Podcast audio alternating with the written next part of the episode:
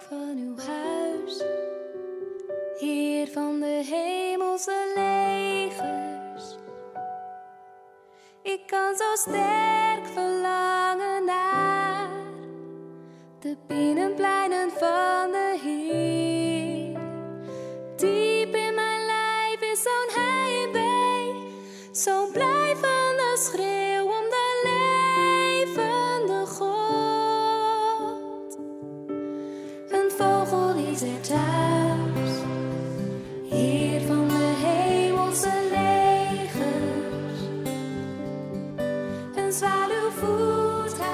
Wat je zojuist hoorde is een moderne uitvoering van Psalm, hon- Psalm 84. Sorry. Wat hou ik van uw huis?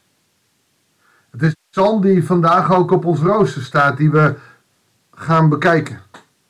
En ik moet zeggen dat ik de opwekkingsversie van die psalm zo indrukwekkend mooi vind.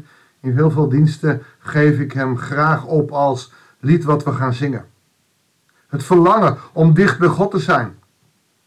Psalm 84 heeft eenzelfde lading als ehm, Psalm 42. Het verlangen, als een hert dat verlangt naar water. Wat hou ik van uw huis?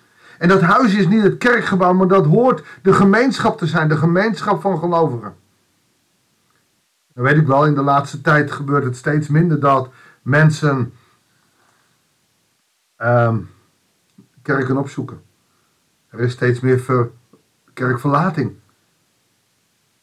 Toch? En dat is niet om op te scheppen wat dan ook. Moet ik wel zeggen dat. Nou, hoe zal ik het zeggen? Nee, gewoon zoals het is. De laatste tijd bij ons veel mensen nieuw lid zijn geworden. Ze voelen zich er thuis, ze voelen iets van de geest. En een, een, een warm bad. En ik pieker me suf waar het aan ligt. De gemeenschap, is dat voor ook voor een deel wel? Is dat ten opzichte van kerken die ze gewend zijn of waar ze naar op zoek zijn? Ik weet het niet precies.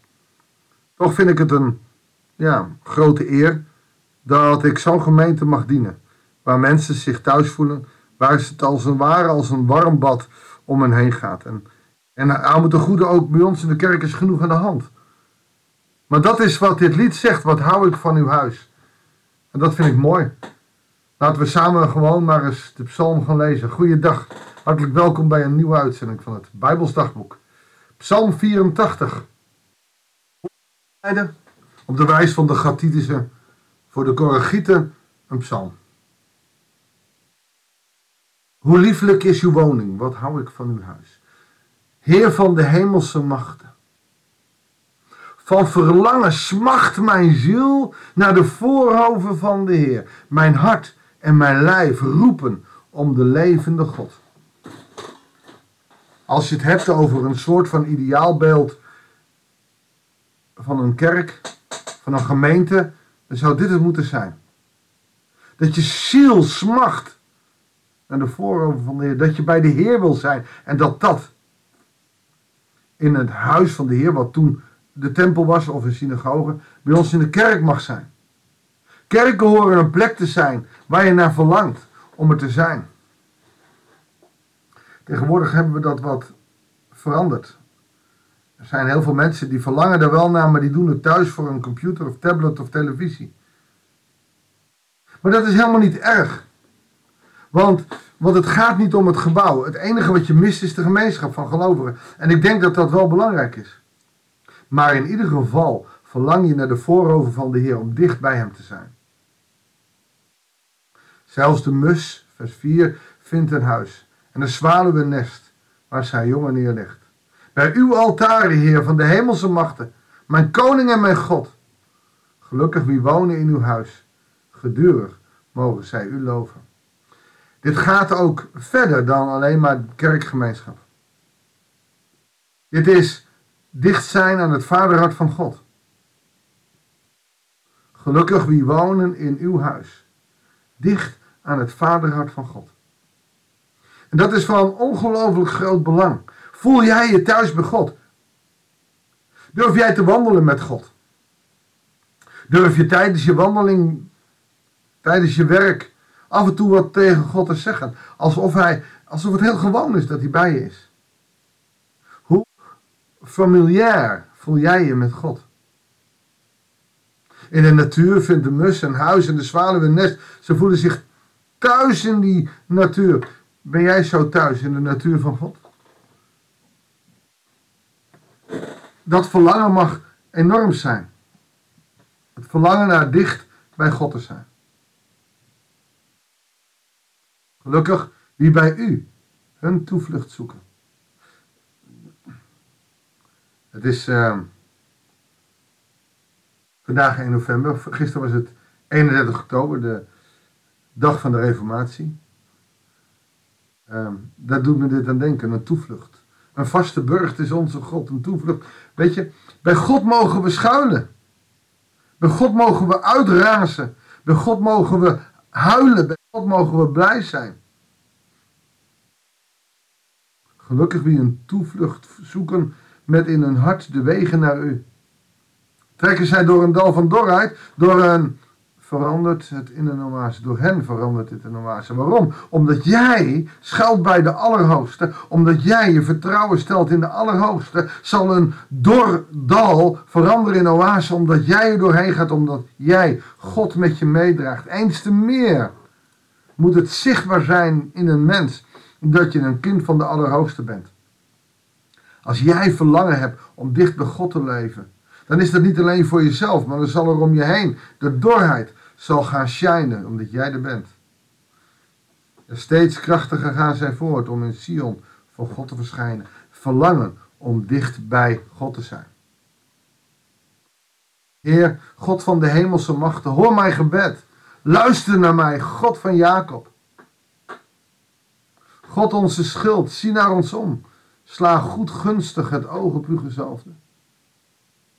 Beter één dag in uw voorhoofd dan duizenden daarbuiten.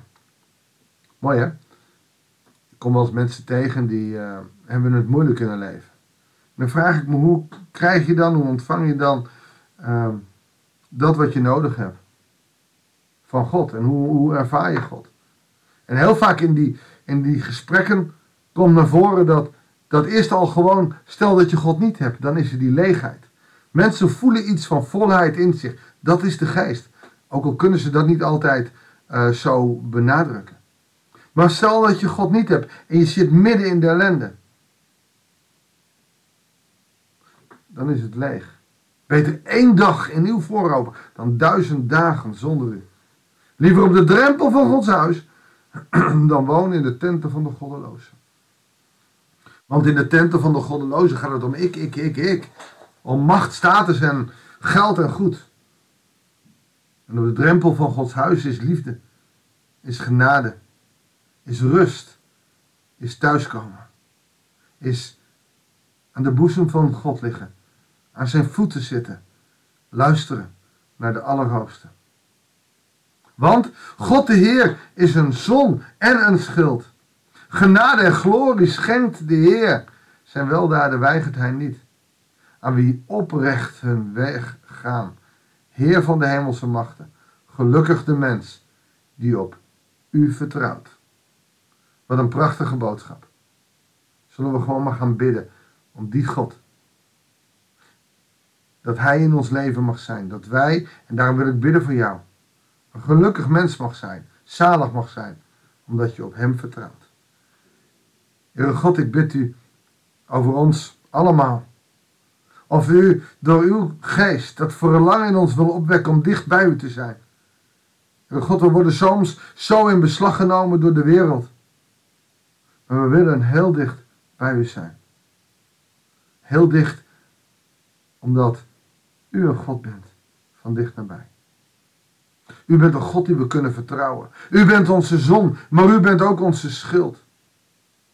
En u schenkt genade en glorie, Heere God, wat is het toch geweldig om uw kind te zijn. Heer, leg dat verlangen in ons. Leg dat verlangen elke dag weer in ons, opdat we door die liefde en genade geraakt worden. Dat bidden we u in Jezus' naam. Amen. Dankjewel voor het luisteren. Ik wens je die rust, die liefde en die genade toe. Die trouw van de Hemelse Vader. Dat Hij dat verlangen in jou legt.